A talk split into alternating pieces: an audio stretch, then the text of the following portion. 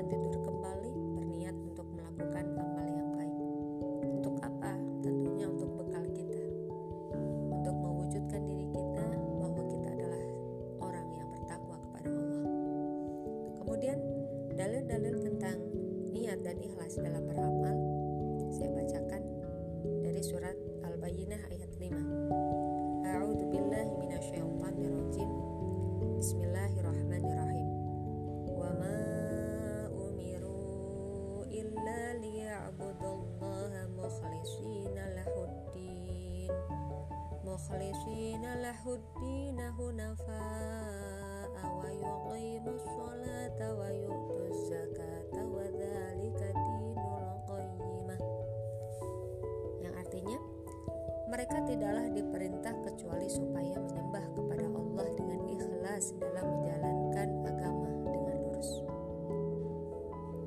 Mendirikan sholat dan menunaikan zakat, itulah agama yang lurus. Surat Al-Bayyinah ayat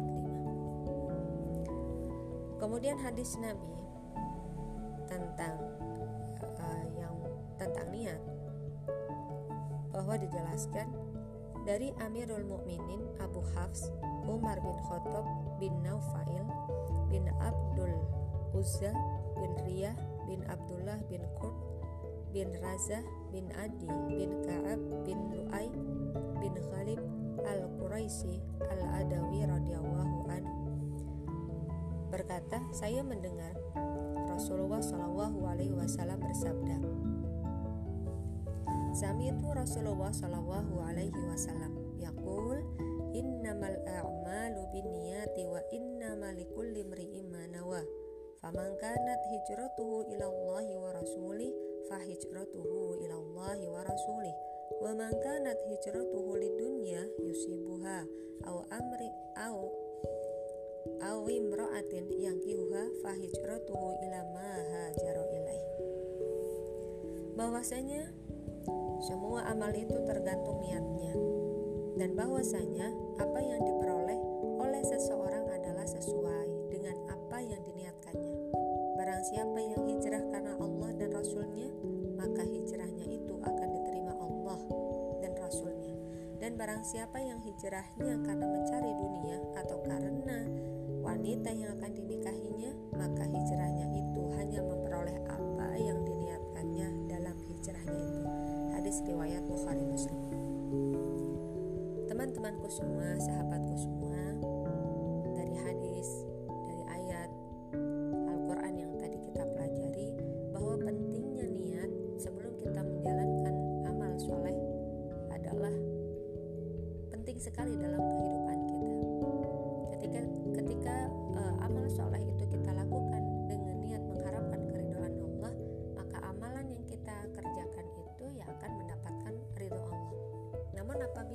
amal baik kemudian kita uh, diniatkan karena ingin mendapatkan pujian dari orang lain gitu ya. Ah saya mau sedekah biar dilihat orang lain itu saya adalah orang yang dermawan misalnya. Maka uh, berbeda dengan niat kita ketika menjalankan sedekah itu karena mengharapkan keridhaan Allah. Itulah pentingnya ilmu, pentingnya kita belajar. Kemudian ketika kita sudah uh,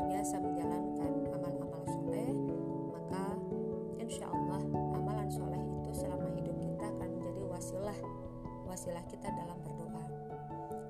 Dikisahkan dalam sebuah hadis yang artinya jadi uh, dari Abu Abdurrahman Abdullah bin Umar bin Khattab radhiyallahu an berkata, saya mendengar Rasulullah Shallallahu Alaihi Wasallam bersabda, dulu sebelum kamu itu ada tiga orang berjalan-jalan, kemudian mereka mendapatkan sebuah gua yang dapat dimanfaatkan untuk berteduh. Maka mereka pun masuk ke dalamnya. Kemudian tiba-tiba ada batu di atas bukit yang menggelinding dan menutupi pintu gua itu sehingga mereka tidak dapat keluar.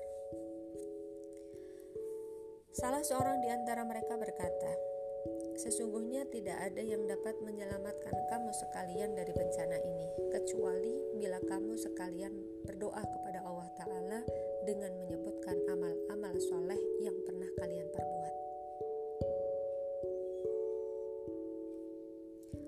seorang di antara mereka berkata, Wahai Allah, saya mempunyai ayah ibu yang sudah tua renta, dan saya biasa mendahulukan memberi minuman susu kepada keduanya sebelum saya memberikannya kepada keluarga dan budak.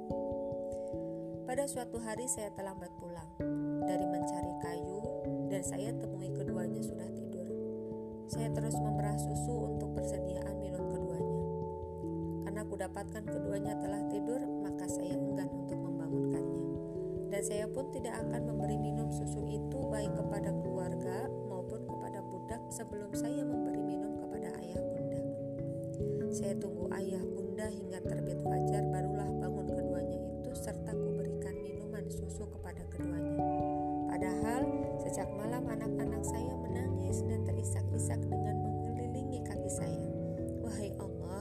jika saya berbuat seperti itu karena mengharapkan ridomu, maka geserkanlah batu yang menutupi gua ini. Maka bergeserlah sedikit batu itu tetapi mereka belum bisa keluar dari gua. Kemudian yang lain berkata, "Wahai Allah, sesungguhnya saya mempunyai saudara sepupu yang sangat saya cintai." Pada riwayat yang lain dikatakan, "Saya sangat mencintainya sebagaimana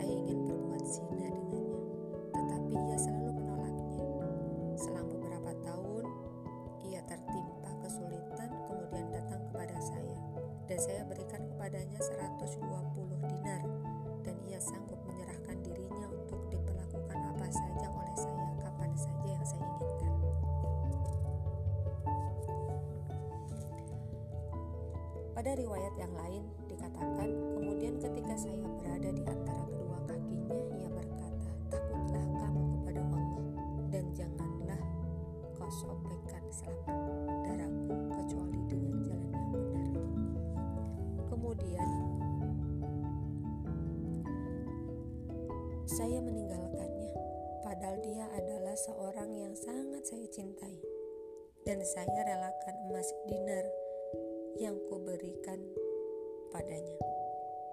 Wahai Allah, jika saya berbuat seperti itu karena mengharapkan ridhomu, maka geserkanlah batu yang menutupi gua ini. Maka bergeserlah batu itu, tetapi mereka belum bisa keluar dari gua itu. Orang yang ketiga berkata, "Wahai Allah, saya memperkerjakan beberapa karyawan dan semuanya saya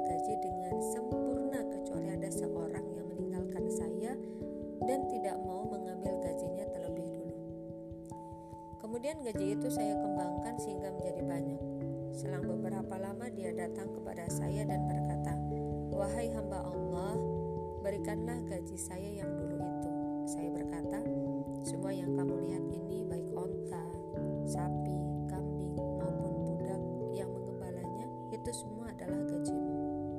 Ia berkata, "Wahai hamba Allah, janganlah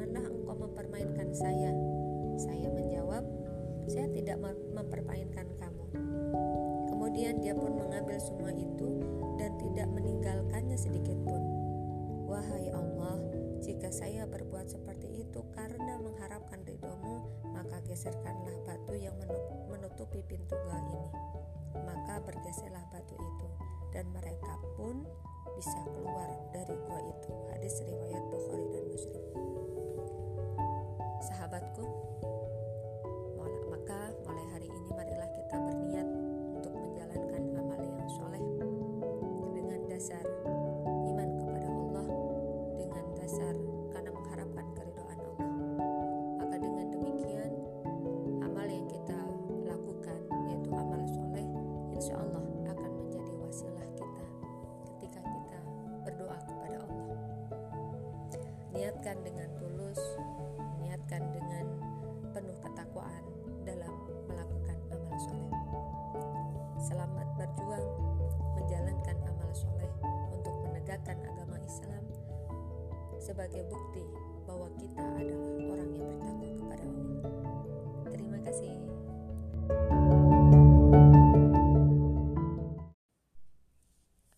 Bismillahirrahmanirrahim. Sahabat, kita tentu sudah terbiasa ya, terbiasa mengawali aktivitas kita dengan membaca bismillah. Tentunya aktivitas yang baik, tentunya amal yang soleh. Lalu adakah kisah-kisah terdahulu tentang kisah bismillah atau kisah-kisah orang yang soleh? Ada. Hari ini, kali ini kita akan uh, membahas kisah-kisahnya. Di kisah yang pertama, Bismillahirrahmanirrahim. Kisahnya ya, Ketika Nabi Musa alaihi salam mendapat ujian dari Allah berupa sakit perut, maka ia pun memohon petunjuk kepada Allah Subhanahu wa taala. Agar apa? Agar disembuhkan dari penyakitnya. Kemudian Allah Ta'ala memerintahkan kepadanya untuk memakan sejenis rumput tertentu yang terletak di suatu kebun. Setelah Nabi Musa memakannya, seketika penyakitnya sembuh. Masya Allah. Selang beberapa lama kemudian, beliau terserang kembali penyakit yang sama. Maka Nabi pun kembali memakan jenis rumput tertentu yang pernah menyembuhkannya dahulu. Namun, rumput tersebut bukan menyembuhkan penyakitnya tetapi malah membuatnya semakin parah. Nabi Musa alaihissalam memohon kepada Allah. Seraya berkata, "Ya Rob, pertama kali aku memakannya penyakitku sembuh." Tetapi yang kedua kali malah membuat penyakitku semakin bertambah parah. Maka Allah Subhanahu wa taala berfirman kepada Nabi Musa alaihi salam, "Pertama kali engkau berusaha menyembuhkan penyakit dengan rumput itu adalah petunjukku, sehingga engkau pun sembuh karenanya. Tetapi yang kedua, engkau berusaha atas kehendakmu sendiri dan tidak dikerjakan atas namaku, sehingga bertambahlah keraslah penyakitmu." Apakah engkau tidak tahu bahwa sesungguhnya apa yang ada di dunia ini adalah racun, sedang penawarnya adalah berbuat atas namaku. Bismillah. Masya Allah. Dari kisah yang pertama kita bisa mengambil pelajaran, bisa mengambil hikmah bahwa apa pun ikhtiar kita, kita berusaha untuk mengawali dengan baca Bismillahirrahmanirrahim. Kemudian Rasulullah Shallallahu Alaihi Wasallam bersabda dalam hadisnya, jika seorang dari kamu semua mendatangi istri, maka ucapkanlah Bismillah, Allahumma janibna syaitan wa janibi syaitan ma rosaktana. Artinya adalah dengan menyebut nama Allah, Ya Allah, hindarkanlah kami dari syaitan dan jagalah dari kejahatan setan apa yang engkau rezekikan kepada kami. Dalam hadis tersebut dikatakan bahwa maka apabila ditakdirkan bahwa mereka berdua akan mempunyai anak, setan tidak akan pernah bisa membahayakan. Hadis riwayat Bukhari. Kemudian uh, kisah yang kedua. Ketika hendak menaiki perahunya, Nabi Nuh alaihi salam mengucapkan sebagian kalimat dari Bismillahirrahmanirrahim yaitu Bismillah majriha wa mursaha. Maka pun ia selamat dan kapalnya tidak tenggelam. Bila sebagian kalimat bismillah saja dapat menyelamatkan seseorang, apabila kita apa namanya dibaca secara lengkap, maka bismillahirrahmanirrahim. Dan Allah berfirman, Wa qala fiha bismillahi majriha wa mursaha Inna Robbi laghafurur rahim Yang artinya dan Nuh berkata, naiklah kamu sekalian ke dalamnya dengan menyebut nama Allah di waktu berlayar dan berlabuhnya. Sesungguhnya Tuhanku benar-benar maha pengampun lagi maha penyayang. Surat Hud ayat 41. Kemudian kisah yang berikutnya ada seorang mukmin yang saleh dan beliau pernah menggembalakan kambingnya dengan selamat. Di tempat lalu lelangnya para serigala, masya Allah. jadi mengembala kambing dan di situ banyak serigala. Dan kejadian itu tentu saja mengundang keanehan orang yang kebetulan lewat di tempat itu. Ia bertanya kepada si penggembala, "Bagaimana engkau bisa membuat serigala hidup berdampingan dengan kambing?" gitu kan. Kemudian penggembala yang salah itu menjawab, "Saya senantiasa menggantungkan hidup kepada Allah dan selalu menyibukkan diri dengan menyebut nama Allah sepenuh hati." Masya Allah. Dari tiga kisah tadi maka kita mulai pagi ini ayo niatkan untuk uh, beramal soleh kemudian awali dengan baca Bismillahirrahmanirrahim Insya Allah kita akan mendapatkan keberkahan Allah kita akan mendapatkan keajaiban-keajaiban yang kita tidak sadari semoga hari ini kita mulai membiasakan diri apa pun yang kita kerjakan awali dengan membaca Bismillahirrahmanirrahim. Dan kita berdoa kepada Allah Ya Allah dengan perantaraan nama-namamu yang maha indah dan sifat-sifatmu yang maha luhur aku memohon agar dikaruniakan rahmat dan kebaikan yang banyak. Peliharalah diriku dalam kemaha pemurahanmu dan masukkanlah aku ke dalam golongan orang-orang yang mendapatkan kasih sayangmu. Amin. Ya robbal alamin.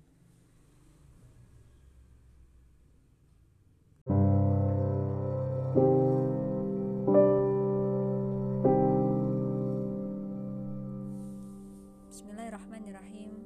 Assalamualaikum warahmatullahi wabarakatuh. Bagaimana kabar sahabat semua? Sahabat rumah belajar bersama Mudah-mudahan Di bulan Dhul Hijjah ini Kita diberikan karunia Yang sangat berharga Berupa peningkatan ketakwaan kita kepada Allah Dengan bertakwa Insya Allah hati kita akan semakin tentram Dengan bertakwa hati kita akan semakin tenang. Bismillahirrahmanirrahim. Sahabatku semua, hari ini kita bersama-sama akan belajar dari buku Prophetic Parenting Cara Nabi Shallallahu Alaihi Wasallam mendidik anak, yaitu bukunya Dr. Muhammad Nur Abdul Hafiz Suwaid. Di dalam uh, buku tersebut halaman 76 mengenai anak adalah perhiasan di dunia kita akan membahas bersama-sama apa yang dimaksud dengan anak adalah perhiasan di dunia. Kita awali dengan baca bismillah. Bismillahirrahmanirrahim. Anak adalah karunia Allah kepada manusia. Hati akan gembira ketika memandang anak, yang memandang mereka. Mata akan terasa sejuk sewaktu melihat mereka dan jiwa akan tentram ketika berbicara dengan mereka mereka adalah bunga kehidupan dunia. Inilah yang ditegaskan dalam ayat-ayat Al-Quran. Dalam surat Al-Kahfi ayat 46, A'udzu billahi minasyaitonir rajim. Al-malu wal banuna zinatul hayatid dunya wal baqiyatus shalihatu khairun 'inda rabbika sawaba wa khairun amala. Artinya adalah harta dan anak-anak adalah perhiasan kehidupan dunia. Tetapi amalan-amalan yang kekal lagi soleh adalah lebih baik pahalanya di sisi Tuhanmu, serta lebih baik untuk menjadi harapan. Di dalam surat Al-Hadid ayat 20 yang artinya Ketahuilah bahwa sesungguhnya kehidupan dunia itu hanyalah permainan dan suatu yang melalaikan perhiasan dan bermegah-megah antara kamu serta berbangga-bangga tentang kebanyakan harta dan anak. Seperti hujan yang tanaman-tanamannya mengagumkan para petani. Kemudian tanaman itu menjadi kering dan kamu lihat warnanya kuning kemudian menjadi hancur. Dan di akhirat nanti ada azab yang keras dan ampunan dari Allah serta keridoannya dan kehidupan dunia ini tidak lain hanyalah kesenangan yang menipu. Oleh karena itu, sering kita melihat orang-orang kafir tertipu oleh perhiasan ini. Mereka memulai dengan berbangga diri dengan banyaknya anak. Mereka beranggapan bahwa anak-anak itulah yang akan menjaganya. Juga beranggapan bahwa Allah ridho kepada mereka karena telah mengaruniakan anak-anak dalam jumlah yang banyak ini. Mereka menyombongkannya di hadapan orang-orang yang beriman. Ternyata ada di dalam ayat-ayat Al-Quran yang justru mengkritik menyerang mereka atas pemikiran atas pemikiran mereka dan kebanggaan jahiliyah ini. Ayat-ayat tersebut menegaskan pada orang-orang yang beriman bahwa banyaknya jumlah tidak akan memberi manfaat apa pun bagi mereka dan tidak akan dapat mencegah azab Allah sedikit pun. Di dalam surat uh, Ali Imran ayat 116, A'udzubillahi minasyaitonirrajim. Innal ladzina kafaru la tughniya anhum amwaluhum wala auladuhum minallahi syai'a wa ulaika ashabun narihum fiha khalidun. Sesungguhnya orang-orang yang kafir baik harta mereka maupun anak-anak mereka, sekali-kali tidak dapat menolak azab Allah dari mereka sedikit pun. Dan mereka adalah penghuni neraka, mereka kekal di dalamnya. Sahabatku semua, konteks Al-Quran memperingatkan manusia tentang fitnah anak-anak adalah ketika mereka mencintai anak-anaknya secara berlebihan hingga mencapai tingkatan meninggalkan perintah Allah. Selain itu, anak-anak bisa pula menjadi penyebab Allah Subhanahu wa taala murka. Oleh karena itu, ayat-ayat tersebut menegaskan A'udzu billahi minasyaitonir rajim wa'lamu annama amwalukum wa auladukum fitnatu wa annallaha 'indahu ajrun 'azim. Surat Al-Anfal ayat 28 yang artinya dan ketahuilah bahwa hartamu dan anak-anakmu itu hanyalah sebagai cobaan dan sesungguhnya di sisi Allah lah pahala yang besar. Sahabat-sahabatku semua, ada solusi bila si anak lebih memilih jalan yang jauh dari keimanan dan menempuh langkah orang-orang kafir dan fasik. Semoga Allah melindungi kita dari anak model seperti ini. Amin, amin ya Rabb. Kemudian di antara penghapus fitnah anak adalah kita dianjurkan untuk berpuasa, sholat, bersedekah, mengajak kepada kebaikan, dan mencegah kemungkaran. Sebagaimana disebutkan dalam hadis diriwayatkan oleh Bukhari Muslim dan At-Tirmidzi dari Huz Huzaifah radhiyallahu an. Dalam suatu hadis yang panjang dia katakan, Sami itu Rasulullah Shallallahu alaihi wasallam yaqul, fitnatu rajulu fi ahlihi wa malihi wa walidihi wa nafsihi wa jarihi tukaffiruha as-shalah wasyam wasodaqah wal amru bil ma'ruf wan nahyu 'anil munkar. Aku mendengar Rasulullah Shallallahu alaihi wasallam. Fitnahnya seseorang yang terletak pada istrinya, hartanya, anaknya, dirinya dan tetangganya dapat dihapus dengan sholat, puasa, sedekah, mengajak kepada kebaikan, dan mencegah kepada kemungkaran. Sahabat-sahabatku semua, semoga Allah memberikan kepada kita semua karunia berupa anak soleh yang membantu kita dalam melaksanakan ketaatan kepada Allah. Dapat mengingatkan apabila kita lupa dan dapat menasihati apabila kita mulai tidak konsisten. Dari uh, materi di atas maka dapat kita ambil hikmahnya untuk menghapus fitnah anak yang terjadi di dunia maka kita bisa menjalankan puasa kemudian sholat kemudian sedekah kemudian mengajak kepada kebaikan dan mencegah kepada kemungkaran semoga kita dimudahkan oleh Allah untuk menjadi orang tua yang baik orang tua yang soleh dan dimudahkan oleh Allah untuk mendidik anak-anak kita menjadi anak-anak yang soleh-soleh. Terima kasih, semoga bermanfaat. Kurang yang kurang lebihnya mohon maaf. Assalamualaikum warahmatullahi.